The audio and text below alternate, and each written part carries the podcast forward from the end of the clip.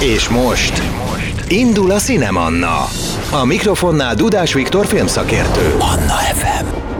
Köszöntöm a kedves hallgatókat! A Cinemanna új évadának első beszélgetését hallják. Köszönjük a bizalmat, hogy ismét minket hallgatnak, cserébe mi ezúttal is azon leszünk, hogy érdekes és tanulságos pillanatokkal szolgáljunk Önöknek. Mai partnerem a mikrofonok árnyékában egy kiváló producer, aki nem csak nagyjátékfilmeket jegyez szép számmal, hanem a reklámfilmek világában is nagyon otthonosan mozog. Sőt, abban is élen jár, hogy a hazánkba látogató nemzetközi produkciók milyen új formában öregbíthetnék tovább a magyar film nemzetközi hírnevét. A további részletek majd már tőle érkeznek a rövid bemutatása után. Vendégemről annyit sikerült kb. hivatalosan megtudnom, hogy 1962-ben született egy szeptemberi napon, és itt el is foszlanak a tudásszálak. Azt mindig is tudtam róla, hogy kerüli a reflektorfényt, de hogy ennyire, hogy szinte semmit nem lehet találni a civil élet útjáról, arra nem számítottam. Remélem, ha kérdezem, kapok majd válaszokat tőle. A szakmai pályája viszont már sokkal jobban dokumentált. Nekem 2004 óta van szerencsém ismerni, amikor Fligauf Bence Dealer című filmjének társproducereként mutatkozott be. Ezt követte Vranik Roland Fekete Kefe, majd Szaladják István Madárszabadító Felhőszél című munkája. Diga Zsombor Köntörfalak című filmjével 2010-ben jelentkezett, amely az év egyik kellemes meglepetése volt a mozikban és a fesztiválokon is. Ezután 2014-ben jött a Couchsurf, szintén Diga Zsomborral, majd egy még látványosabb műfai darab 2015-ben az új Mészáros Károly rendezésében készült a Liza a Rókatündér, mely film máig egyedülállónak mondható a hazai filmes palettán. Producere volt többek között Mészáros Márta Aurora Borealis északi fény című filmjének, de a FOMO megosztod és uralkodsz mögött is ő állt. 2022-ből a Szia életem, tavalyról pedig a Látom, amit látsz kerültek a mozikba az irányítása alatt. Az idén viszont egy különleges filmmel érkezik majd, amelynek alkotói, szereplői igazi világsztárok. De már nem először dolgozik nemzetközi sztárokkal, volt már producere Mats Mikkelsen, Berenice Bejo, Robert Pattinson, Terence Howard szereplésével készült produkcióknak, és az Oscar-díjas Dán rendező Billy August filmjének is. Aki ezekről a filmekről sokkal többet fog mondani nekünk, a Cinemanna vendégmikrofonjánál. Sok szeretettel köszöntöm a mindig visszafogott mosolyú Major Istvánt. Köszöntöm a kedves hallgatókat, üdvözöllek, és köszönöm, hogy lehetőséget biztosítottál, hogy eljöjjek egy ilyen beszélgetésre. Valóban kerül ma reflektorfény. Bár Igen. ez most rádió. De ez most rádió, úgyhogy felvét, képfelvétel nem készül. És egy picit zavarba vagyok, mert hogy ugye itt most én úgy mutattalak be, hogy Major István, és ez a hivatalos neved, de én még élő embert nem hallottam, aki rád úgy hivatkozott volna, hogy István, hanem mindig csak Pisti.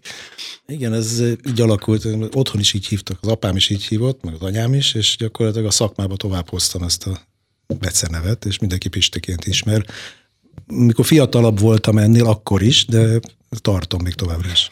Tök jó, mert egyébként nekem úgy, nekem úgy tetszik, hogy ez egy, egy kicsit olyan uh, utal a, hogy is mondjam, csak a, a, a jellemedre, hogy van egy ilyen, mindig egy ilyen fiatalos uh, kisugárzásod. Amikor mi először találkoztunk, nekem az volt a, a koncepcióm, hogy te valamilyen sportoló vagy, akinek van pénze, és ezt a filmekbe szeretné utána átszupportálni, és hogy a, a sportolói karrierjén szerzett tapasztalatot és egyéb dolgokat, ezeket a, a filmvásznon közelében akar akarja kamatoztatni. Aztán kiderült, hogy nem, de hát ugye tényleg nagyon-nagyon keveset tudni a, a civil előéletedről. Engem tényleg érdekel, hogy te például hogy csöppentél bele a filmes világba? Volt sportolói múltam, különben, mert teniszeztem, aztán röplabdáztam, elég komolyan a Honvédban első osztályú röplabdás voltam. De Ó, aztán... az, egy, az egy remek sport, én azt nyáron szoktam a strandon. Indultam strandröplabda versenyen is egy időben, tehát ez nagyon szeretem röplabdát, de vissza, hogy hogyan kezdődött, talán, talán onnan érdemes kezdeni, hogy 22 éves voltam, és leszereltem a katonaságtól, akkor ott álltam, hogy mit kezdjek magammal, és akkor jelentkeztem a mafilmbe felvételvezető gyakornoknak, akkor még Föld Otto volt a mafilm igazgató, és egyenként vett föl minden alkalmazottat ő maga, uh-huh. és akkor kerültem a filmgyárba, és a Pasaréti filmgyárba kerültem felvételvezető gyakornoknak, és rögtön olyan Dömörki János filmbe kerültem. A Forog a filmbe lehettem felvételvezető gyakornok, ami kb.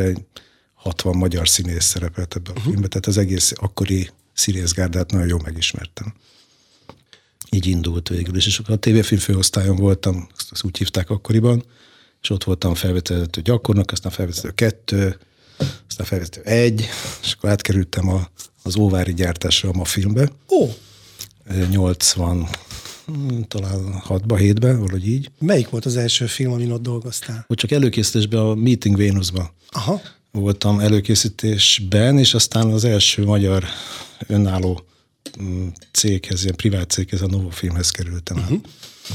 88-ba Sándor Pálhoz. És ott már ö, az is, is még felvételvezető voltam, igen, felvételő egy, szóval akkor azt így hívták. És ö, 89-es ugye a változás, és 90-ben nyitottam saját céget, akkor indítottam először. A katonaság előtti dolog egy pillanatra csak annyiban érdekelne engem, hogy mondtad, hogy a katonaság után egyből, de hogy a katonaság előtt nem volt kacsintásod a szakma felé? Panoria filmstúdió voltam. De- kamerást. De volt ilyen múltam, ott persze, de hát ez nem volt jelentős. Meg a tévéhíradónál is dolgoztam egy pár hónapig, tehát ennyiben igen. De hát ugye a katonaságtól hogy utána számolom én gyakorlatilag az igazi filmes létet, ez a 22 éves kortól veszem.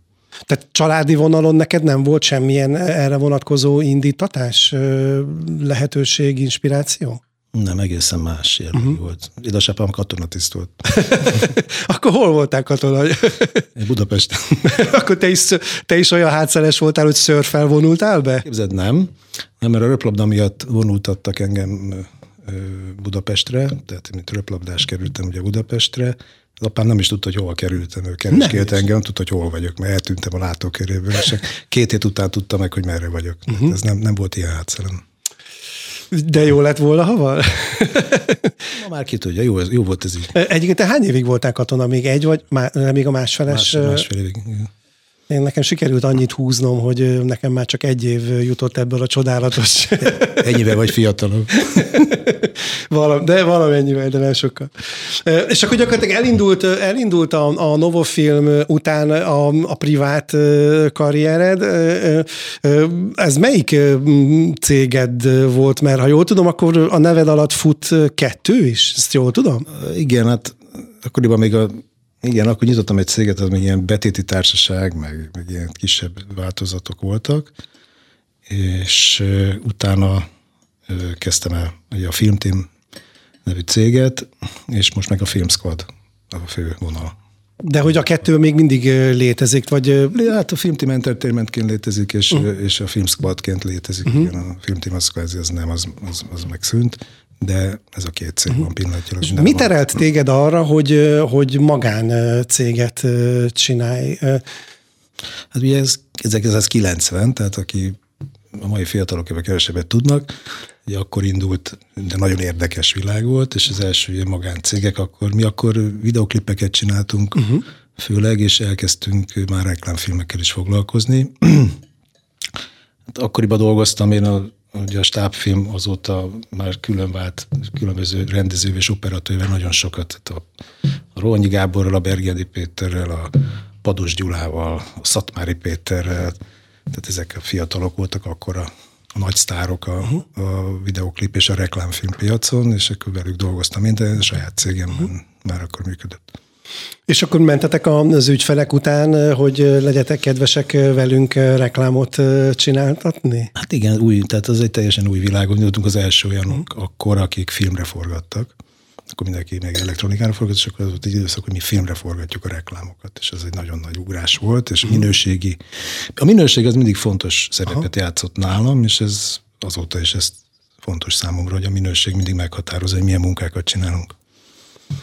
A felvezetőben mondtam, hogy a visszafogott mosoly mindig ott bujkál a szád sarkában, de akkor ebből a vállalkozó szellemedből is látszik, hogy azért alapvetően egy optimista ember vagy? Nem, én mindig vívódom magammal, hogy jó döntést hozok, vagy nem. Tehát Igen? abszolút. Tehát lehet, hogy a kifelé mást mutat, uh-huh. de abszolút vívódó alkat vagyok, igen. A párom az mindig nyom engem, hogy legyek pozitívabb sokkal. Ez nem pessimizmus, azt nem, nem a pessimizmus szót nem használnám, csak mindig szeretem a dolgokat minden oldalról megvizsgálni. Uh-huh. Valóban jó döntést hozok-e, minden szempontból ez a legjobb irány, amit, amit kitaláltam. De vállalkozó szellemnek tartottam magam, még talán ma is annak tartom magam. De most már kevésbé vagy vívódó, mert most már inkább tudod, hogy mik azok az irányok, amik működnek, vagy ez a vívódás, ez még kvázi a mai napig jellemez? Ez talán ritkábban jön elő, azt gondolom, nyilván az, az kezdetekben, mert nem tudta, hogy merre menjen, uh-huh. de most már talán jobban tudom, hogy mi az, ami, ami érdekel, és mi az, amit meg akarok csinálni, és meg szeretném csinálni minden áron, és azért mindent meg is teszek. Ma már nagyon sok múlik a lobbin. Uh-huh. Én azt gondolom, ezt szinte mindenki, ezt mindenki, szerintem ezt mindenki tudja. Hát ebbe, igen, ezt próbálom jól uh-huh. csinálni. Egyszer sem volt olyan a kezdetektől fogva, hogy azt mondtad egy feladatra, hogy ú, hát ezt lehet, hogy nem így kellett volna, vagy, ezt, vagy ez nagyobb volt, mint amit elképzeltem? Nem, bár a a Lizát említetted a bevezetőben, a Liza Rókatön, az 7 évig készült, ez nem volt egy rövid vállalkozás. Az, az egy külön fejezetet szántam neki a kérdésekbe, mert azt tehát, egész közelről éltük együtt át. Tehát, tehát, igen, nem, tehát azért az, az elég hosszú, hosszú futam volt, de, de nem, nem. Azt mondom, én azt gondolom, hogy megnézem, visszagondolom, hogy milyen filmekben működtem közre, melyikhez van közöm, van egy pár, uh-huh. tényleg, elég sok, múltkor megnéztem elég sok, de talán egyetlen egy, amire azt mondom, hogy ezt nem kellett volna. A mosolyra visszatér, hogy eh, mi az, ami el tudja rontani a napodat? Nem tudom, talán a gyerekeimmel, hogyha valami probléma van. Meg. A gyerekeimben van egy pár. Tehát. tehát akkor innen üzenjük nekik, hogy ne rontsák el a napodat, hogyha egy mód van. Igen, egy mód akkor ne rontsák el a napodat. Igen, igen, velük van, azért van, van, vannak öten, tehát az uh-huh. nem rossz. Nem rossz szám, én azt gondolom. Egy, bár lassan egy fél foci csapat. Így van. A, mi volt az első meghatározó mozi élményed, vagy filmes élményed? Első, hát nagyon sok első mozi élmény. De én egyszer egy, egy interjúban elmondtam, hogy milyen filmeket szeretnék csinálni, és a Ryan közlegény volt az a film, amire azt mondtam, filmeket szeretnék csinálni, ez jó pár évvel ezelőtt volt legalább, uh-huh. vagy 15. De hát azért az nem, az nem nevezhető így nálad sem gyerekkori Nem gyerekkori élmény, azért mondtam, hogy visszavezetnék, hogy mi a gyerekkori filménye, persze rengeteg. Az Egri csillagok volt talán nekem az a uh-huh. film, amit én nagyon szerettem Aha. gyerekként, meg az Egri csillagokat, mint regényt, azt még három éves voltam, amikor édesanyám minden este azt olvasta esti meseként. Ó. Oh. Tehát kívülről tudtam az egri csillagokat már három éves koromtól, és uh-huh. az iskolában is már azokat rajzolgattam. Uh-huh azokat a jeleneteket, amik úgy megmaradtak bennem a könyvből. Tehát nekem az egy alapvető élmény volt. A történelmet nagyon szeretem, és ez összecseng ezzel, hogy azok a filmeket szeretem, amik inkább ilyen történelmiek. Uh-huh. Történelmi témájuk. És akkor gyakorlatilag a, reklám, a reklámfilmekből belenőttél gyakorlatilag a nagyjátékfilmekbe? Lehet azt mondani, igen. Ez egy ez ilyen ez, sorszerű fejlődés volt? Szerintem ez, ez, ez egy egyenes vonal, ez nagyon sok filmessel van így, hogy elindul a videokliptől, akkor utána vannak a reklámfilmek, és akkor jön a játékfilm, és nem is gondol a reklámfilmre, mert rájön arra, hogy a reklámfilm készítés, hát ez egy szuper pénzkereset, meg nagyon jó dolog olyan reklámokat csinálni, amire büszke lehetsz, de hát az a film az, az egy uh-huh. teljesen más teljesen más kategória. És az a fiatal generáció, akikkel elkezdtél dolgozni, az előbb említetted ugye a neveket, ők mennyire ambicionáltak, vagy lögdöstek a felé, hogy Pisti, csináljunk már nagyjátékfilmet, csináljunk nagyjátékfilmet? Semennyire, teljesen elkanyarodtuk az életpályánk, bár most megint találkozott, mert a Rohonyival azóta két filmet is csináltam, mert fölkértem rendezőnek kétszer uh-huh. is, de, de alapvetően nem, meg most a Bergendivel is van esetleg egy közös ügyem, tehát érdekes, hogy visszakanyarodtak uh-huh. valamilyen szinten. De, de nem, nem, ők, az irány az nem, nem miattuk alakult így, uh-huh. semmiképp.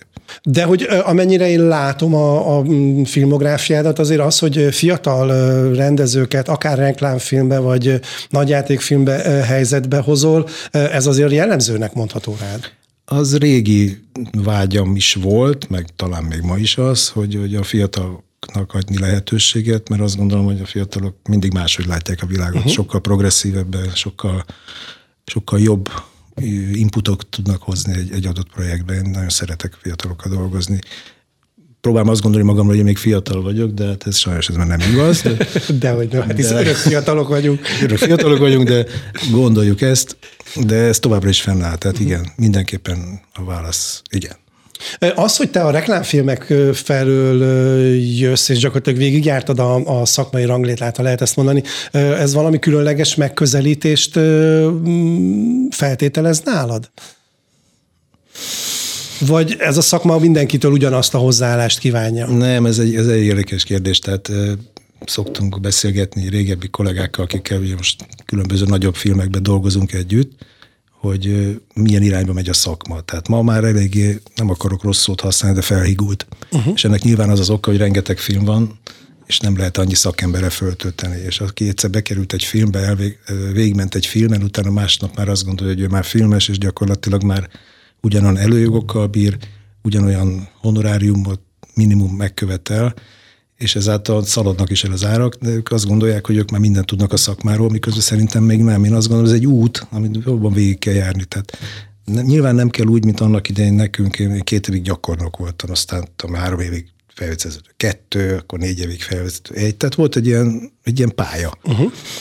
Egy időszak, amin, amin végig kellett menni, hogy tényleg mindent megpróbálj megtanulni. Ma már ilyen nincsen, minden sokkal gyorsabb, minden sokkal egyszerűbb valaki tegnap taxis volt, ma már transportkoordinátor, holnap már gyártásvezető, holnap után producer. Tehát ez, ez ma így megy, de nem vagyok benne biztos, hogy ez feltétlenül jó. Uh-huh. Ebből a hozzáállásból is kiderül, hogy te inkább az a fajta pragmatikus producer vagy, aki nem feltétlenül a filmnek a, a művészi koncepcióját nézi először, hanem inkább a megvalósíthatóságot, meg a közönséget, a befogadó élményt. Igen, de közben nagyon érdekel a művészi része, és szívesen veszek részt benne, sőt, uh-huh. részt is kell, hogy vegyek benne. És azt gondolom, hogy ez egy, ez egy rendezővel közös munka. Tehát a producer munkái azt gondolom, a rendezővel együtt kéz a kézben járnak. Uh-huh. Tehát hál' Istennek megszűnt a rendező központú filmjezés Magyarországon és inkább a producer központú Tényleg? jött. Én azt gondolom, igen. Igen? Azt gondolom, igen. De jó, hogy ezt mondod. Én még ezt nem érzem ennyire magamon. De én abszolút érzem. Igen? Abszolút érzem, és én így is, így is működöm. Tehát nincs már a rendezőnek annyira szabad keze, uh-huh. és ne is legyen, hanem legyen ez egy. Iszom a szavaid. Igen, le, erről együtt, tehát van egy más megközelítés, és azt a rendező adott esetben fogadja el, hogyha a producer azt mondja, hogy bizonyos szempontoknak neki meg kell felelnie. Uh-huh. És ez nem csak költségvetési szempont. Ez művészi kérdés, eladhatóság adott esetben már Magyarország ez elég nehéz, de általában igen, ezek, ezek szerintem fontos szempontok. Uh-huh. Azon kívül, hogy a finanszírozást végül is a produceren keresztül érkezik, hát akkor hadd mondhassa már meg, hogy milyen uh-huh. kritériumoknak kell megfelelni. Voltak, vannak nagy csatáid emiatt rendezőkkel? Voltak, vannak, lesznek. És volt olyan, ami kenyértöréshez, vagy utelváláshoz, utelágazódáshoz vezetett? Igen, volt. Igen? Ez jó. Ó, abszolút volt, persze. Uh-huh. De és az, ilyen, és az ilyen produk, produkciókat bánja az ember, vagy ezt nem kell bánni? Ha már egyszer így alakult, akkor az... Nem érdemes visszapelenézni szerintem, mert nincs értelme. Uh-huh. volt ha esetleg mondjuk én hibáztam valahol, és akkor aztán a végig gondolom, és azt gondolom, hogy ezt hibáztam, akkor abban lehet tanulni, de tovább kell lépni. Uh-huh. És értelme visszanézegetni, uh-huh. teljesen felesleges. Haragtartó ember vagy egyébként? Nem, de nem felejtek. Körülbelül erre a válaszra számítottam. nem vagyok, tényleg nem vagyok haragtartó, de nem felejtem el. Uh-huh. De, hát, de ki tudok békülni bárkivel, uh-huh. hogyha esetleg úgy alakult, hogy a viszonyunk nem volt felhőtlen, több embertől kaptam meg például, hogy nem ismernek sokan szerintem igazán. Hát a rejtőzködő... Nem, és mindegy, és, és azt gondolják, hogy én nem tudom, ilyen vagy olyan vagyok, és akkor haragszom, vagy, vagy rosszul ítélek meg dolgokat vele kapcsolatban, de és ezt sikerült tisztázni, akkor kiderül, hogy valójában lehet, hogy nem is. Uh-huh. a dealer az hogy talált meg téged? Múhi András talált meg. Múhi András volt akkor a, a Fligauf Bencinek a, a producere, és ő keresett meg, hogy akkor csináljuk meg együtt. Uh-huh.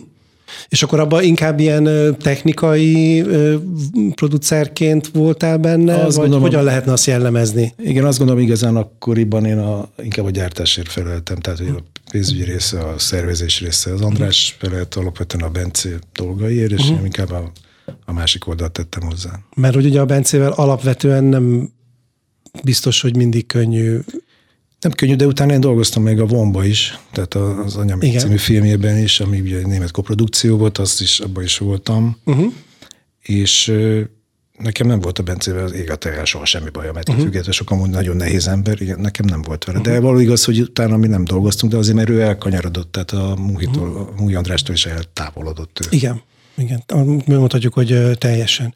A új tehetségek kapcsán engem például az is érdekelt, hogy a, a Diga Zsombi az hogy talált meg téged, vagy te találtad meg őt? Mm, ő talált meg, ő a Dursz Gyurival volt még korábban. Igen. aki aztán akkor ki is vonult már a szakmával, és költözött azt hiszem külföldre. És volt a... az, aki híresen lakóautóval jött mindig Kámba, és Igen, nagy kalap. elmaradhatatlan kalapjával a Dúz Gyuri. Igen. Igen, igen. Egy, egy, egy igazi jelenség volt. Abszolút, és a, a Zsombor vele, vele dolgozott, és akkor a Dursz nem, azt hiszem, nem akart, vagy kifelé tartott hmm. az egész, tehát ő utána ö, talált meg a Zsombor. Én nagyon örültem a, a megkeresésének, mert, mert tetszett, amit csinált mindig is, és a mai napig én nagyon kedvelem. Uh-huh. Reklámokat is csinál neked a Zsombi? Nem. Nem. Csináltam vele reklámot, szerintem nem, nem, nem. Nem, én a, a köntörfalakat csináltam, meg a, meg a couchsurf meg a couchsurf később, igen. és aztán volt még tervünk közösen, én akartam vele egy, egy kosztümös filmet, amit ami Haramiák címmel íródott, és aztán az NFI mondta, hogy nagyon szuper és támogatja, és a Zsombor rendezte volna, és toltuk nagyon erősen, és aztán ezt lesöpörték. Sajnos pedig az nagyon jó lett volna, és milyen az élet, utána a Zsombor megkapta a hadiknak a technikai rendezői titulusát, mindegy. Úgyhogy ő végül is kosztümös, kosztümös ő filmet. meg tudta csinálni, igen, nem velem csinált egy olyan filmet, amit szerettem volna, így alakult. Uh-huh. Nem gondolom, hogy ez végleges, hogy a Zsombor nem fog dolgozni, nagyon szívesen dolgozni uh-huh. továbbra is, persze. És akkor ugye jött a, jött a köntörfalak, ami azért egy meglepően új film volt, és hogyha mondjuk a, az, a, ha csak az addigi filmográfiádat nézzük, ahhoz képest is egy új dolog volt tulajdonképpen. Hát igen, ez egy szuper low budget film volt, tehát ez 20 vagy 30 millió forintba került, ha jól emlékszem. Az Három szereplő, ugye a Tompos Kátya, Elekferi, Rába Roland. Kiváló színészek, kiváló. Éjszaka forgattunk, mindig éjszaka, mert akkor értek rá a színészek csak. Uh-huh. A Révész utca irodánkba forgattuk az egészet, meg nép, három külső van még, tehát egy nagyon-nagyon minimálba. Uh-huh. De az egy, ez egy nagyon azt nagyon szeretem. Az Igen, ez kritikailag is egy nagyon... Meg is lepődtem, az a kritikus, az mindent, az, azon a szemlén, az az évben, amikor indult, mindent, mindent megnyert. Uh-huh. Igen. Hát nem kell sok pénz egy jó film. Igen. Az mondjuk neked úgy, tehát ott volt mondjuk már ugye a, a, a dealer is korábbról, de hogy az neked úgy mennyire volt olyan, hogy wow, akkor csináltunk egy sikeres filmet? Hát annyi mindent csináltam akkoriban, vagy persze, ez, ez is. Egy volt, a sok, egy volt a sok közül? Egy, de büszke vagy... vagyok rá nagyon, uh-huh. mai napig. Nagyon szeretem.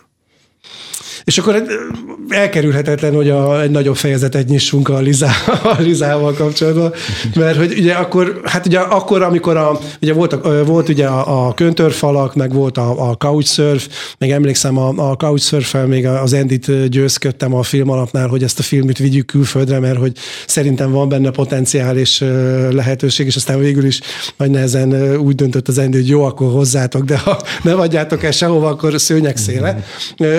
és ugye akkor, és ugye akkor fölbukkant a Liza is, aminek ugye nagyon örültünk, és ugye nagyon hamar volt egy nagyon látványos és impozáns előzetese a, a Lizának, volt egy ilyen mood előzetese, de akkor még ugye a forgatás meg úgy még úgy sehol nem nagyon tartott.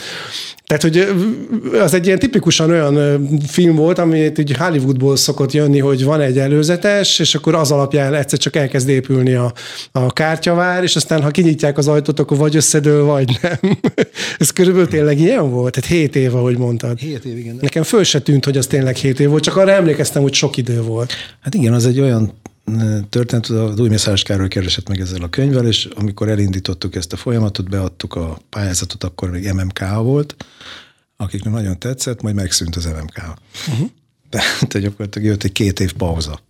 Akkor nem történt semmi, mi tartottuk melegen a projektet, és utána, amikor indult az Andy féle új ő, alakulat, fogalmazunk így, akkor, akkor újra pályáztunk, és hosszú idő után akkor kaptunk is rá pénzt, de akkor még nagyon-nagyon rossz anyagi körülmények között kellett, hogy elkészüljön ez a film, mert 150 millió forint vissza nem térítendő támogatást kaptunk, de ugye a költségvetésem 400 millió volt, és akkor 70 millió visszatérítendő támogatást adtak. Akkor még kitaláltak olyan szisztémát, hogy adnak plusz pénzt, de azt vissza kell adni uh-huh. első helyen.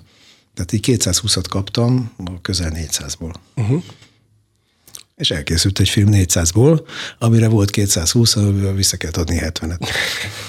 akkor jött egy privát befektető, egy 60 milliót, akkor megegyeztem az Origo stúdióval, akik nagyon sokat segítettek, hogy forgassunk, annak volt egy, egy bizonyos 30 millió körül összeg, amit vissza kellett nekik fizetni. Uh-huh.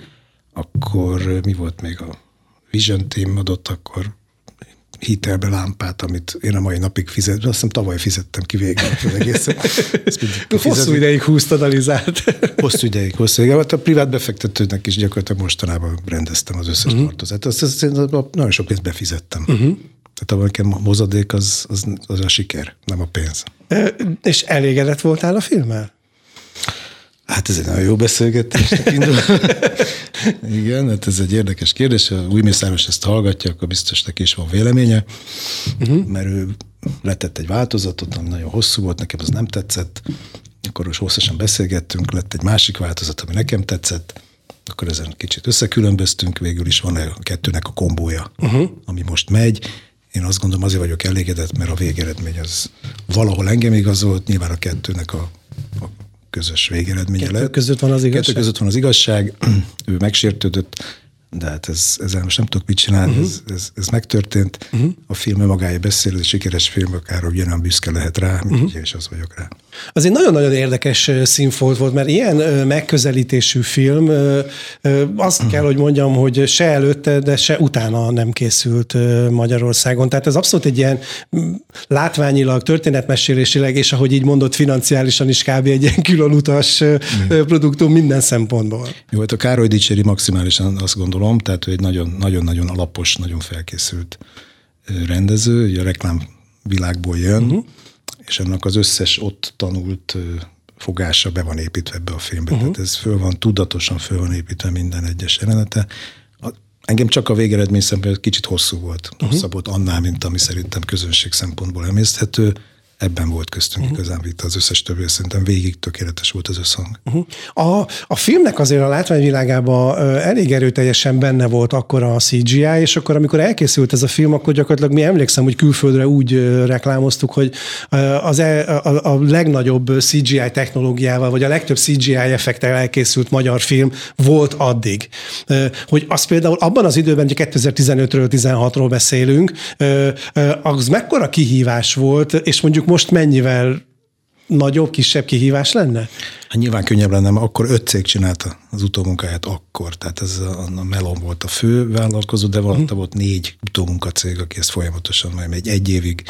Hát gyakorlatilag azt lehet mondani, hogy a, a magyar kapacitások jelentős részét lekötöttétek akkor erre? Akkor, így van, így van. És hát úgy, úgy, hogy közben ugye, mint elmondtam, a pénzügyi háttér azért nem volt közösen rózsás. Uh-huh.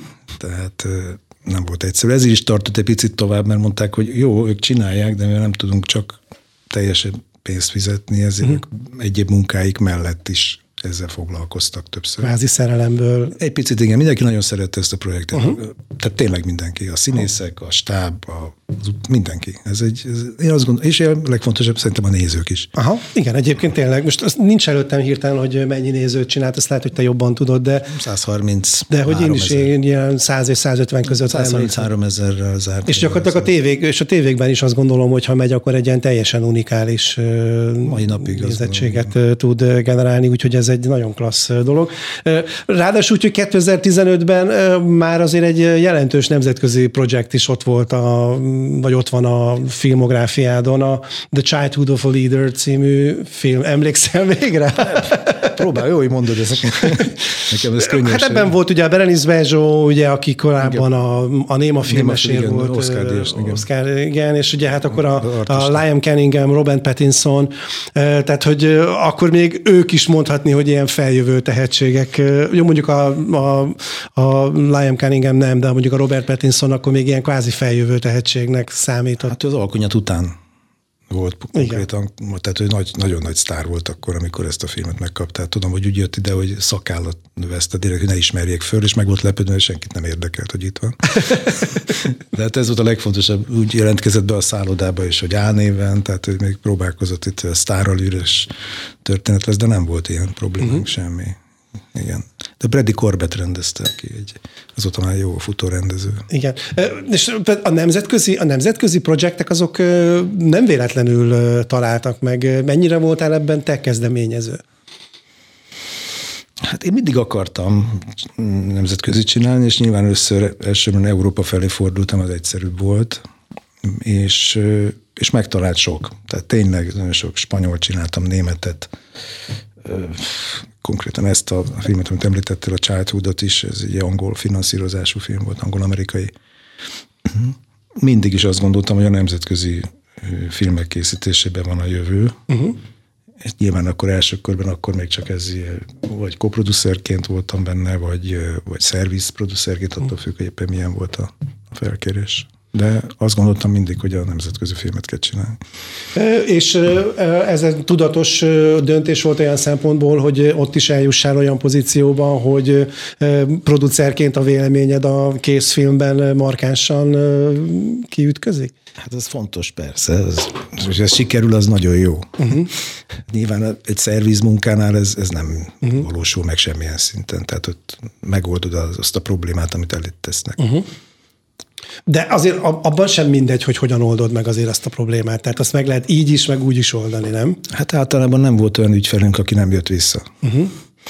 Azt gondolom, az azt jelenti, hogy azért szervizben mi elég jól Hát a honlapotok tanulsága szerint azért valóban nagyon impozáns reklámjaitok vannak elég nagy cégektől, most mm, hagyd ne én mondjam, de szóval, hogy, van, hogy, van. Hogy, hogy, hogy, hogy tényleg van. Van, valóban, igen. Lehet, lehet abból tanulni, hogy mondjuk a reklámok milyenek, és azokat mondjuk, amik ott felmerülnek, problémák, megoldások, történetmesélési fordulatok, azokat az ember valahogy beépíti a nagyjátékfilmjeiben, vagy a kettő között nincs ilyen jellegű átjárás szerint? Én szerintem nincs most egy, egy szervizmunkán, hogyha veszünk egy reklámfilmet, azt tudod megtanulni, hogy hogyan kell jól kiszolgálni egy filmet, és hogyan kell egy problémát jól megoldanod viszonylag rövid idő alatt. Uh-huh. Ugye a reklámnak az a lényeg, hogy végtelenül gyors átfutású, iszonyatosan hektikus, uh-huh. mindenre van pénz, mondjuk egy nemzetköziben általában, legalábbis uh-huh. abban az időszakban. Hát a keleti pályaudvart elég sokszor használjátok. sokszor használjuk, szeretjük a keleti pályaudvart, ők is szeretnek minket, igen. Tehát van, van egy-két nagyon látványos sikertörténet, hogy mi mindent oldottunk meg az elmúlt néhány évben, azokra büszkék is vagyunk, de az, az azt gondolom nincs köszönő viszonyban sem azzal, amikor te producerként viszel egy nemzetközi játékfilmet, az más. És utóbbi időben azért most már a sorozatok is megtalálnak. Hát ugye ott van a Mond ki vagyok én. Az most megy a Duna tv Igen. Nézed egyébként? Dime Kelso belefutott, te, nem, de be, belefutott a véletlen valami éjszaka, hogy kapcsolgattam a tévét, és pont a Dime Kelso, uh-huh. spanyol cím, igen, szerettem uh-huh. nagyon és háborús. Azért szerettem a második világháborús dolgokat. És az hány évados volt? Teszem föl ártatlanul a kérdést. Én is ártatlanul tudok válaszolni. Szerintem az, az, szerintem tíz rész, vagy tíz vagy tizenegy rész volt, de csak egy évad. Igen, mini, mini sorozat volt. Igen. És hát most beszélhetnénk még sok külföldi filmről, de engem a legjobban érdekel, meg gyakorlatilag azért az elmúlt időszakban mondhatjuk, hogy elég erőteljesen lázban tartotta a közvéleményt, hogy hát az a, a Varga Mihály pénzügyminiszter úr ritkán szokott forgatásra kimenni, de a, a slingshot filmetekre mégiscsak kiment. Szereti a filmeket. hogy, hogy? Nagyon művelt. Kicsit nagyon, bővebben. Nagyon művelt, nagyon, nagyon kedves, tájékozott ember, és érdekli a film. És megjelent egy fénykép, ahol a társaságodban, meg Lawrence Fishburne, a Michael Hubström és a Casey Affleck társaságában álltok a szedben. Röviden, Kicsit röviden ennyit tudunk a slingshotról. Én egy picit többet, de nem akarom elvenni a kenyeredet. Jó, hát most is elmeséltem, miért is ne, hát ez nem, nem titok. Legyél rá büszke, Léci. Nem, hát azt gondoltam egy időben, egy mondjuk két és fél, inkább három évvel ezelőtt, rengeteg külföldi film jön Magyarországra, beszélünk amerikai filmekről, amik szervizmunkaként megjelennek, itt elkészül a film, utána az elkészült filmet kiviszik, és nagy haszonnal eladják. És ebből a haszonból nyilván az investor vagy a filmkészítői amerikai oldalról részesülnek. Én azt gondoltam, hogy mi lenne, hogyha egy picit behoznánk ebbe magyarországi befektetőt, aki betesz pénzt egy adott, egy amerikai filmbe, ami a siker reményével kecsegtet, adott esetben hozamot is hoz, és a befektetés arányában lecsapódik Magyarországon is ebből némi haszon uh-huh. az eladás után. És ez egy modell, amit mi összeraktunk, és ez megértésre talált, nyitott fülekre talált bizonyos helyeken, és most ebben a rendszerben, ebben a modellben készülnek filmek. Mennyire nézte ezt ferde szemmel mondjuk a zenefi? Semennyire nem ferdeszem, de teljesen más ablak. Igen? Ugye valaki az Andy kitalált az egyablakos rendszert Igen. Magyarországon, ez tökéletesen működik, most már tényleg csak egy ablak van, viszont az egy adott ablak. Uh-huh. Én kerestem egy alternatív utat, ami azt gondolom, hogy egy jó irány, és mivel ez kizárólag a befektetésről és a profitábilis részről szól, ez egy teljesen más dolog, mint az NFI tevékenység. Az NFI egy támogató, uh-huh. azt gondolom, ez egy teljesen más dolog. Tehát nem, nem ez egy ilyen művészet, művészetet támogató, ez meg inkább egy ilyen financiális... Hát a magyar filmszakmát, hogy ott esetben kulturális értékeket képviselő uh-huh. filmeket próbál nyilván az NFI támogatni, uh-huh. más értékrendek alapján. Ez, ez profitorientált vállalkozásként uh-huh. határozza meg magát, és itt sikerült is aláírni egy tíz filmes dílt, uh-huh. tehát van tíz film, amit meg kell csinálni adott idő alatt, és akkor ez egy működő modell. Uh-huh. Van egy amerikai partner ebben, aki szintén pénzzel száll bele, és több résztvevős finanszírozási mhm. oldalról. És uh, hogyan uh, értesült a Mikael Hafström a Major Pisti ötletéről, hogy van egy ilyen lehetőség?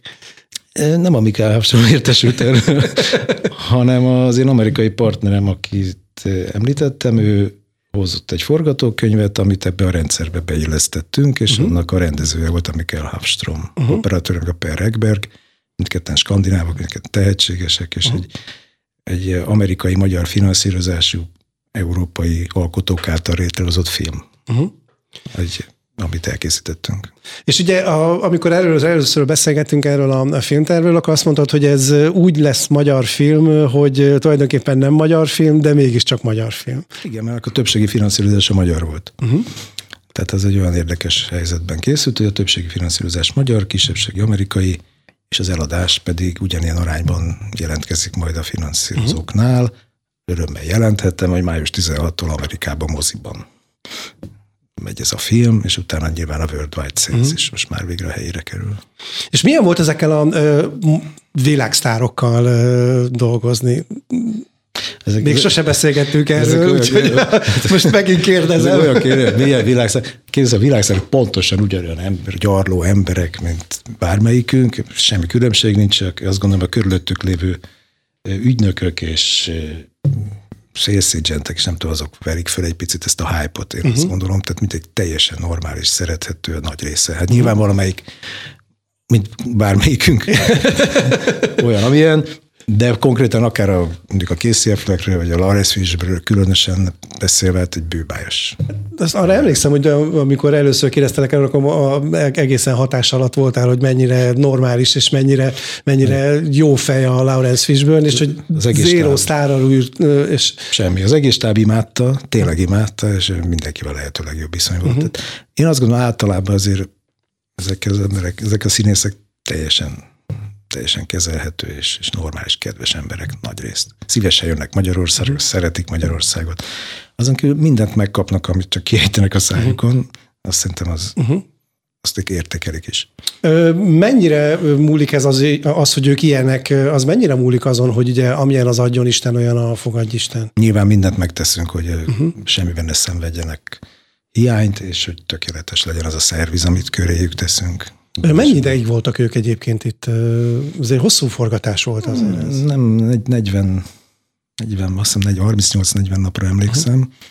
Annyi volt, ez egy épített díszlet volt a Korda stúdióban, egy uh-huh. űrhajó belsőt építettünk föl, meg volt egy-két külső helyszínünk, uh-huh. de hát ez ennek megfelelő a három hónap körülbelül. Uh-huh. És csak Magyarországon zajlott a forgatás, vagy? Csak Magyarországon. Csak Magyarországon. Ezek a filmek általában csak Magyarországon forognak. Uh-huh. Az egy kívánalom is itt a finanszírozó oldalról, hogy ez a pénz Magyarországon legyen elköltve. Uh-huh. És most mennyire izgulsz, hogy jön majd az amerikai mozi premier? Van benned druk, hogy Van. ja Isten, hogy fogadják? Milyen Abszolút. a plakát, milyen az előzetes? Úristen, mit ír majd a sajtó? Abszolút az előzetes az jó, a plakát is jó. Fontos, hogy Amerikában hogyan szerepel ez a uh-huh. film. Igen, mindenkinek nagyon fontos. Gondolom van külön agentje a filmnek, aki a sajtót, a PR-t intézi, gondolom az amerikai ügyfeled által. Van a WME a második legnagyobb ügynökség uh-huh. Amerikában, ők uh-huh. a sales agentje, igen. Mikor indulsz a premierre, azt tudod Május már? 16. De hogy te mikor Május, indulsz? május 10, bocsánat, május 10. De hogy te mikor indulsz ki a premierre, azt tudod már? Premierre? Nem Igen. megyek ki a premierre, forgatok. Te egy ilyet kihajtsz. Ja, nem megyek ki? nem megyek ki a premierre, mert, mert, mert forgatunk. Milyen érdekes, pontosan május 10-ig tart az a film, amit most előkészítünk, és február 23-tól forgatunk itt. Következő darabja ennek az együttállásnak. Ez amelyik M betűvel kezdődik? Embetűnvel kezdők, és Ürenberger A vég. és, és olyan nevek játszanak benne, mint a Russell Crowe, a Michael Shannon és a Rami Malek. Jól tudom? Jól tudod, pontosan, igen. Igen, ők. Mikor jönnek? Hol fognak megszállni? igen. Következő kérdés. Jó, de hát ezt csak elmondhatod, hogy mikor jönnek és mennyi ideig fognak itt dolgozni. Tehát Februárban érkeznek, mivel februárban kezdünk forgatni. Február. És akkor most nagyon nagy a nyüzsé az előkészítés miatt? Elég nagy, igen. Uh-huh. Ez, egy, ez egy nehéz film, ez egy, ez egy jelentős, ez, ez háromszor akkora, mint a Slingshot volt. Uh-huh. Ez nagyon nagy film.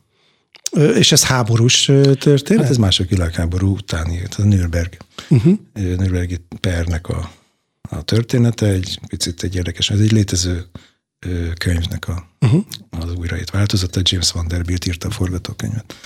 Ő Aki egyébként azért érdekes, mert nekem, mert amikor az ő nevét láttam a rendezői székben, akkor hát ugye ő mégiscsak egy producer. Ö, is. tehát mit tudom én, az Odiákus, ugye az első digitálisan készített film, David Fincher alkotása volt például az ő, az ő filmje, meg az elnök végveszélyben például, tehát ő producerként is, és ugye ez még csak a második rendezése. Így van, másik rendezés, a forgatókönyvíróként van azért az Oceanök-ben vett részt, azt hiszem ott a 14 vagy a 13-ben. Uh-huh. Ö, igen, valóban második rendezése. Nagy kihívás. Akartam is kérdezni, hogy egy második filmes rendezőnek ennyi pénzt oda versz adni? Hát ö, szerencsére nem én adom, feltétlenül én csak összehozom, összekötöttem ezt az összes finanszírozó oldalt. Ö, Nagyon meg van erősítve a Jamie ebben a történetben, mert Darius Wolski az operatőr, uh-huh. aztán a, nem tudom, el kell mondanom, hogy mi minden filmnek, tehát a Ridley Scott operatőrről beszélünk, a legújabb művel mondjuk a Napóleon, uh-huh. ugye a Marsan korábban, vagy, vagy a Gladiátor. Tehát mondjuk ő is részben hazajár már Magyarországra. Hát igen, legutóbb a Johnny Depp filmnek volt az Igen. operatőr, amit forgatott Igen. valóban.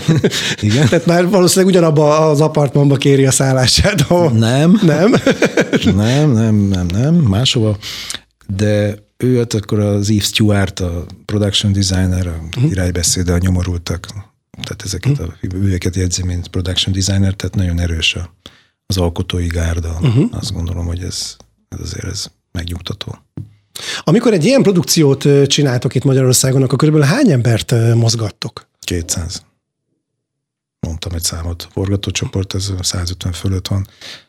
Nem számoltam még, meg nem, nem volt fontos, hogy megszámoljam. Nagyon sokat. Nyilván az alvállalkozók, alvállalkoznak, alvállalkozó. Ezt nem kell, több tud- százra, több igen. százra fut ki a végén. Uh-huh. A forgatócsoport létszáma, a 150 az, az minimum lesz. Uh-huh. Ö, azt elmondhatod, hogy ez is a kordában lesz majd, vagy ez nem ott forog? Nem, ez vagy nem mondhatod el? Ne, az Asztrába forog, de mondhatom Aha, az ja, Asztrába. az Asztra. Nem csak ott, hát mert helyszíneken is vagyunk. Uh-huh. Műtermék az Asztra. Stúdióban építettünk, ők, nekik van egy új műtermük, azt béreljük ki, és ott építettünk föl a, a Nürnbergi tárgyalótermet, és a börtönt eredetiben egy az egyben tökéletesen megfelelően mását építettük föl. Nagyon szép díszletet építettünk.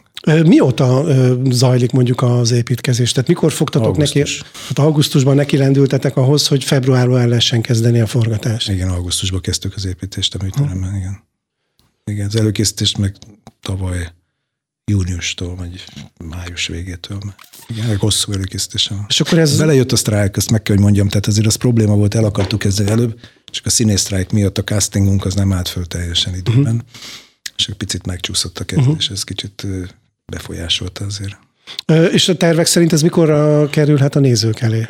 Az 24 végén nekünk novemberre a tervezett, hogy már fesztiválra tudjuk küldeni. Ó, hát akkor az, akkor az hamar, akkor egy Nagyon, fél... nagyon, nagyon föl van pörgetve az utómunkatervünk, uh-huh. igen, hogy ez 24 végén kész kell hogy legyen. És itt Magyarországon zajlik majd az utómunka is, vagy azt, ö, azt elviszik a Jeremyék külföldre? James, Vagy bocsánat, James Vanderbilt. igen, James Van Der, bocsánat. Ö, Hát Los Angeles a tervezett utómunkahelyszín, de elképzelhető, hogy London is belejátszik majd. Uh-huh. Magyarországon valószínűleg zenefelvétel lesz, mert a zenefelvétel az, az szerintem itt tudjuk tartani. Tehát az utómunka többi rész az Los Angeles. Uh-huh. És akkor mi van még egy fontos projekt a, a Tarsolyban, a Lost in Wonderland. Igen, bemutatásra vár. Most egyeztettem pont a kinti producerrel, az 24-be kerül mozikba, de még nem tudom pontosan, hogy hova. Ez teljesen, ez teljesen náluk van. Nincs információ. Uh, ez mert, hogy, ez a film. Mert hogy ugye az, az azért érdekes, hogy a John Travolta uh, és a lánya uh, vannak benne nyakig? Hát nyakig nem, hát figyelj, ez úgy néz ki, hogy a Travolta lány az Ella Travolta a főszereplője a filmnek, és a John csak idejött egy nyolc napra, ide repült a magángépével, hogy támogassa a lányát ebben a szerepben, ami elég jól sikerült, nagy felfordulást okozott Budapesten, hogy John Travolta itt van. Igen, és bűbájos ember, azt kell, mondjam szintén, tehát uh-huh. hihetetlen, hihetetlen kedves. Megtanulta azt a szót magyarul, hogy pálinka? Nem, nem ez volt a lény, nem. nem konkrétan nem emlékszem, de voltunk a műpában, opera előadáson volt. Mindenkivel fotózkodott a városba, szerintem akkoriban visszanézel, mindenki találkozott vele a belvárosban, uh-huh. a Four Seasons-ben lakott, és uh-huh. boldogan oda állt bárkivel fotózkodni. halálosan kedves, tényleg. A film az uh, idén kerül a, uh-huh. a valószínűleg mozikba, igen. Ilyenkor, amikor mondjuk így egy John Travolta így leszáll a magángépével, és megint a kislányát megnézni, és akkor te körbe kalauzod a, város, kalauzolod a városon, akkor nem bukkan az elő, hogy van itt egy forgatókönyv, vagy van itt egy lehetőség? Van ilyen terv, azt mondta, hogy bármikor szívesen. Ha van olyan könyv, akkor boldogan jön Budapestre forgatni. Igen. És van olyan könyv? Van egy terv. Háborús? Nem, de történelmi valamilyen szinten. Uh-huh. Van, van egy szerep, amit rá gondoltunk, de hát még el kéne jusson olyan fázisba, hogy lássuk a finanszírozást. Uh-huh. Van, van egy konkrétan, igen. Uh-huh. Ilyenkor egyébként nálatok ez hogy van, hogy mondjuk a éjjeli szekrényeden hány olyan forgatókönyv van, amin gondolkozol, vagy, vagy úgy a következő évekre úgy tervezve? Most mondtad, hogy van ez a filmes szerződés, az tíz filmet jelentett, ez nyilvánvalóan több mint tíz forgatókönyv, mert valamennyiből választani is kell, de hogy mekkora torony van ott az ágyad mellett? Van. van torony. Szerencsére nem vagyok egyedül ebbe, tehát van segítségem, tehát uh-huh. sokat dolgozom együtt a Gültogajjal, aki mindig segít nekem kreatív producerként bizonyos forgatókönyvek kiválasztásában. Tehát ez, ez kétségtelen tény. De mindig, nem tudom, sokan megtalálnak, most ez nem nagy képűség, csak tényleg sokan megtalálnak. Uh-huh. Próbálok válogatni, nem, nem mindenre fogok tudni nyilván azt mondani, hogy igen, mert azért ez a finanszírozást nem könnyű összerakni. Uh-huh. Most, hogyha végignézzünk az tényleg a filmográfiádon, azért a dealer, madárszabadító felhőszél, couchsurf, aurora borealis, slingshot, tehát hogy azért ez nagyon-nagyon széles spektrum. Egy, mi alapján választasz? Kettő, ha mondjuk kicsit hátat akarsz ennek a dolognak fordítani, akkor mondjuk mit kapcsolsz be? Vagy hogy mire mész el moziba? minden, minden evő vagyok, hogy azt mondjam, jó filmeket szeretem. Nincs ilyen, hogy mire megyek ki. A Barbit nem néztem meg, mondják is, hogy milyen rossz fej vagyok, uh-huh. meg kéne néznem, de ezt nem, de az Oppenheimer meg igen. Tehát most uh-huh. Még a Napoleon természetesen. Tehát most, hogyha ezzel szerintem válaszoltam bizonyos dolgokra, de uh-huh. mi alapján válaszoltam, hogy tetszik, vagy nem. Uh-huh. Tehát nagyon egy, tényleg tetszik, érdekel, és, és, és látok benne fantáziát, akkor tovább tudok vele menni bármilyen szinten. Uh-huh. Ö, és volt olyan, hogy azt mondtad, hogy jó, oké, ez tetszik, csak azonban de. Vagy ez, vagy, ez, vagy, ez mindig, vagy ez mindig van? Sűrűn előfordul. Uh-huh. Ez így van. Igen. Hát nem úgy vált, szerintem beszélgettem már több producerrel biztosan, akik nálam sokkal jobbak, akik elmondták, hogy hogyan kell filmeket csinálni, és azok biztos, hogy elmondták, én, hogy, hogy kell. Én csak jó producerekkel beszélgetek, jó? Nálam jobb producer, én azt mondtam. nem akarod, hogy nem, akar, nem akarsz ebbe benne hagyni engem. Nem, nem, biztos, hogy van sok, sok, nagyon sok jó producer van ebben az országban, tehát uh-huh. biztos tudják, hogy hogy kell filmeket válogatni, én, uh-huh. én a saját értékítéletemre hagyatkozom. Uh-huh. Nyilván meghallgatok még más véleményeket is, uh-huh. de, de úgyis én gondolom uh-huh. végén, hogy akkor ezt érdemes, vagy nem, vagy érdemes ebbe beleállni. Most itt mondtad, mondtad az Oppenheimert, meg mondtad a, a, a Napóleont, de mondjuk milyen olyan rendezők vagy színészek vannak, akiket, hogyha látsz a plakáton, akkor, akkor mindenféleképpen szerétejted, hogy megnézd őket, vagy a filmjeiket. Brad Pitt. Igen? Szerintem Pitt nincs rossz filmje. Uh-huh. Az éjszakai járat. Akkor sincs rossz filmje. Csak, ér, nem, csak kérdezem. Egy, egyébként én egyetértek vele, mert hogy szerintem ő is egy olyan jelenség, akit úgy szerintem el kell és el is lehet jól fogadni. Jó, hát a Leonardo DiCaprio a másik, én azt gondolom, uh-huh. hogy hasonló. Különösen akkor, hogy együtt játszanak. Uh-huh. Lenne olyan könyved, amit mondjuk neki kell lehetne küldeni? Hát annak nagyon jó könyvnek kell lennie. Uh-huh. Szerintem ilyenben még most nem futottam bele. Uh-huh. Nem, nem, nem gondolom. Nagyon nehéz szerintem innen támadni egy könyvvel külföldre, ez a másik probléma. Ez uh-huh. iszonyatosan nehéz. Tehát azért nehéz ez a finanszírozási rész, hogy ha itt egy olyan forgatókönyv végre íródik, ami nemzetközi kitekintése uh-huh. van, azért az elég kevés. Én is azt érzem egyébként, hogy a történetmesélés szinten nagyon le van maradva a magyar film. Tehát nem, nem nagyon tudok mondani igazán jó, szórakoztató, romantikus végjátékot az elmúlt néhány évből, de kicsit régebről se nagyon. Szia, életem! Igen, de hogy, az, de hogy a, mondjuk a romant, tehát hogyha mondjuk azt veszem, hogy mondjuk a Pretty Woman is egy romantikus végjáték, akkor mondjuk tehát, hogy értem. Pontosan igen. tudom, hogy miről beszélsz, így van, nehéz. Igen, igen. Pedig én azt gondolom, a szórakoztató nem említettem, mint kategóri romantikus vígjáték, az, az kifejezetten keresi mindenki, hogy legyen ilyen. De az a legnehezebb írni. Neked, mint producernek ez mondjuk nem ambíciót, feladatod, hogy pushingolja arra forgatókönyvírókat, hogy csináljanak ilyen történetet, tehát ne csak a kisrealista, médiélaktani dráma legyen? De abszolút feladatom. Érzem is ennek súlyát. És teszel ez ügyben valamit? Próbálom. Vagy nincs időd? Hát az idő, ez egy nehéz, nehéz kérdés, tehát tényleg nehéz kérdés, az időfaktor, de, de valóban ez, azt gondolom, hogy ez mindenkinek ez lenne az egyik fontos mhm. feladat, hogy szórakoztató olyan filmeket kéne csinálnunk, amiben nézők bemennek, jól érzik magukat, kikapcsolódnak, uh-huh. és nem pedig a napi problémák jönnek szembe folyamatosan. Azok nagyon értékes filmek, kell olyan is, de, de legyen ez is. Uh-huh. Ezért örültem, most azért mondtam be a életemet, lehet, kicsit gyorsan megelőztelek bármilyen szempontból is, mert mert azzal ilyen feladatot látott el, és uh-huh. tökéletesen megfelelt. És uh-huh. azért is voltam boldog, hogy benne lehettem. Aha. És nem szó szerint, de hogy lesz Szia Életem kettő? Van egy tervem, nem mondtam el senkinek.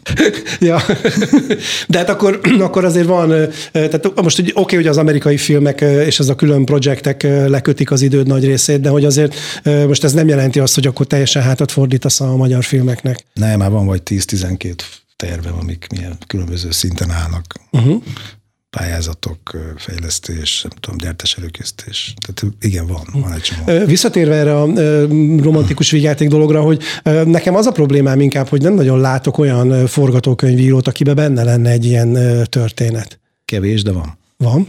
Van. Igen? Hm? Jó.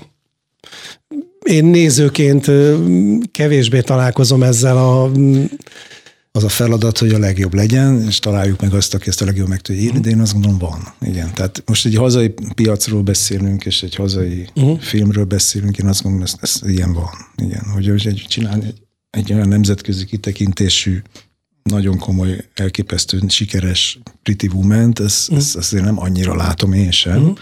de most válasszuk ketté ezt a kettőt. Uh-huh. Szerinted a forgatókönyvírás az magányos farkas feladat? Nem gondolom azt gondolom, hogy az teamwork. Tehát én azt gondolom, attól, attól jó szerintem egy forgatókönyv, hogyha van egy vezető írója, akinek vannak remek gondolatai, de bizonyos helyeken be tud lépni mellé valaki, aki további gondolatokkal segít. Uh-huh. Én ezt így, így, így uh-huh. általában ezt, ezt tartom a legjobbnak.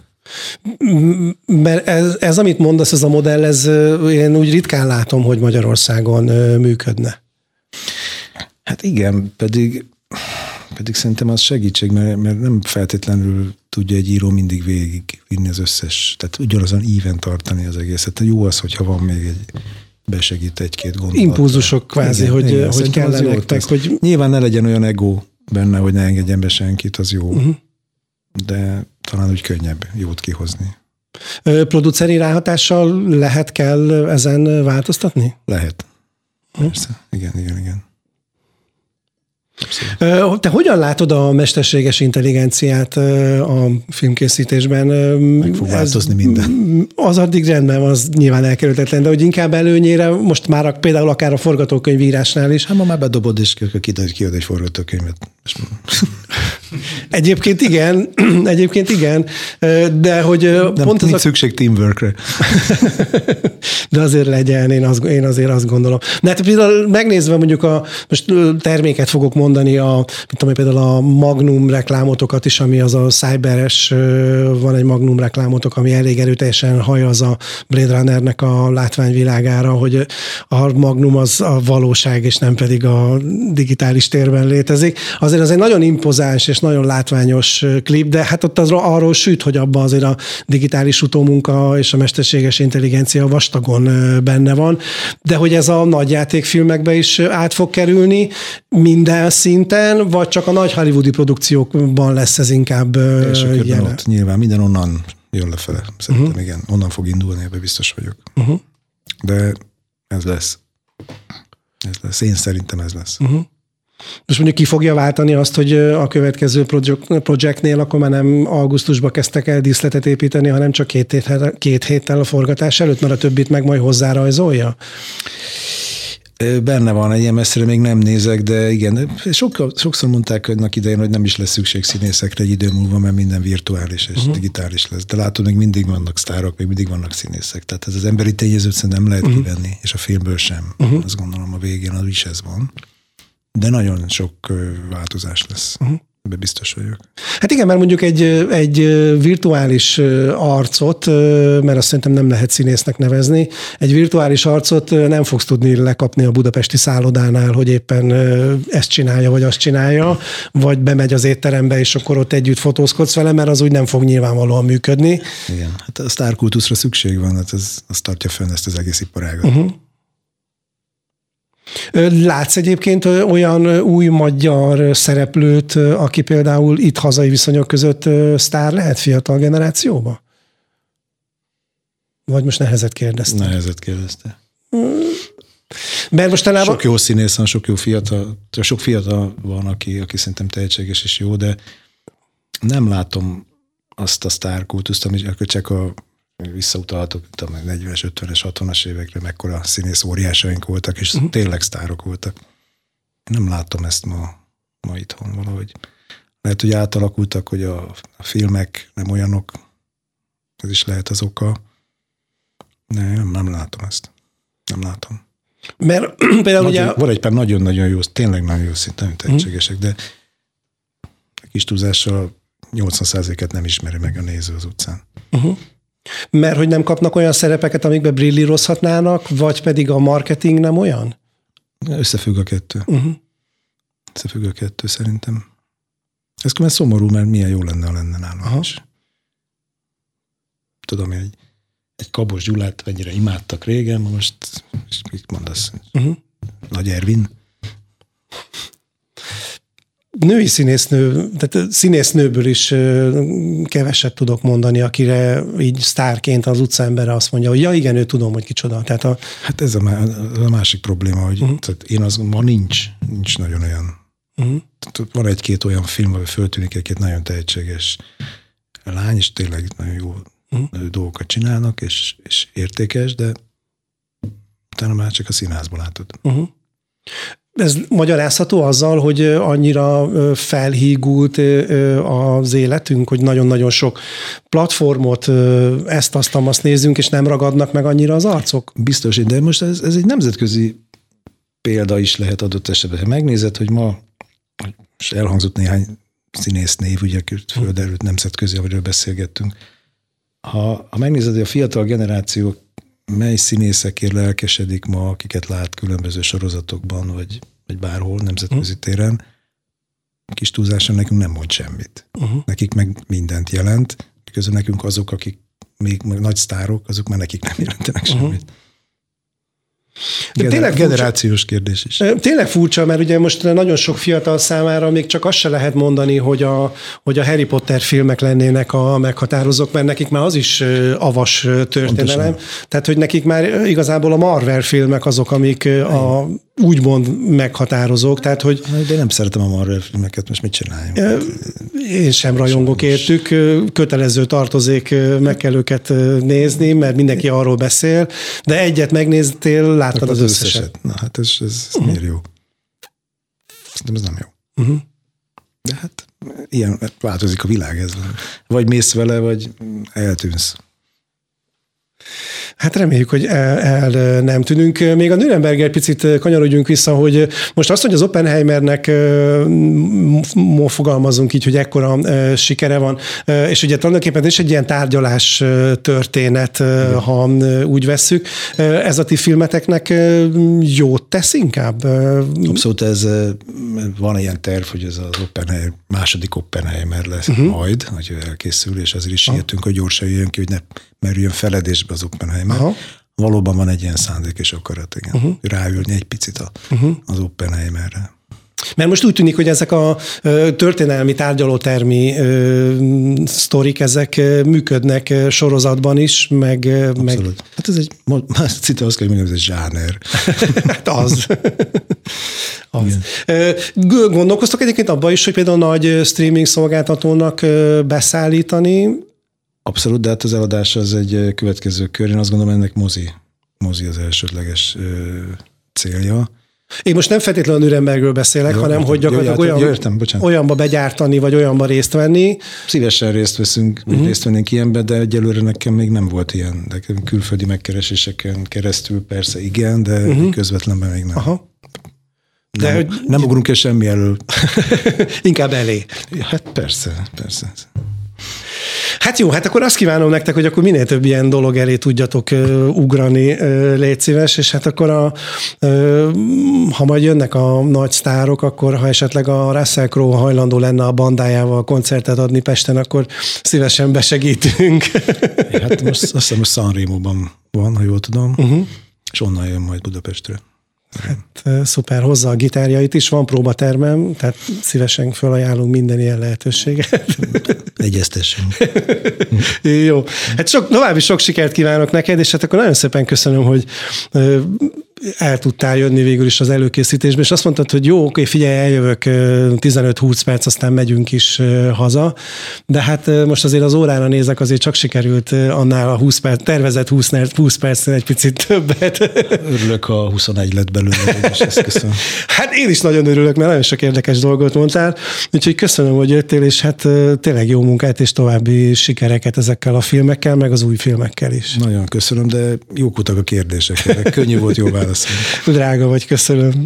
Köszönöm szépen. Még egyszer köszönöm Major Istvánnak, hogy elfogadta a meghívásom, és jót beszélgettünk a Cinemannában. Ha a hallgatók közül bárki lemaradt volna a műsor erejéről, a Manna FM oldalán lehetősége van azt visszahallgatni. Ha tetszett a Cinemanna, a közösségi média felületeken a like is jöhet, minden megosztásért pedig külön köszönet. Tóth Péter technikus kollégám nevében is köszöni a figyelmüket, Dudás Viktor, remélem hamarosan újra találkozunk, a viszont hallásra. Ez volt a Cinemanna. Jövő pénteken újabb filmes és izgalmas beszélgetésekkel várjuk várja a műsor házigazdája, Dudás Viktor filmszakértő. Ezt az epizódot visszahallgathatja a Manna FM weboldalán és podcast csatornáin. Manna FM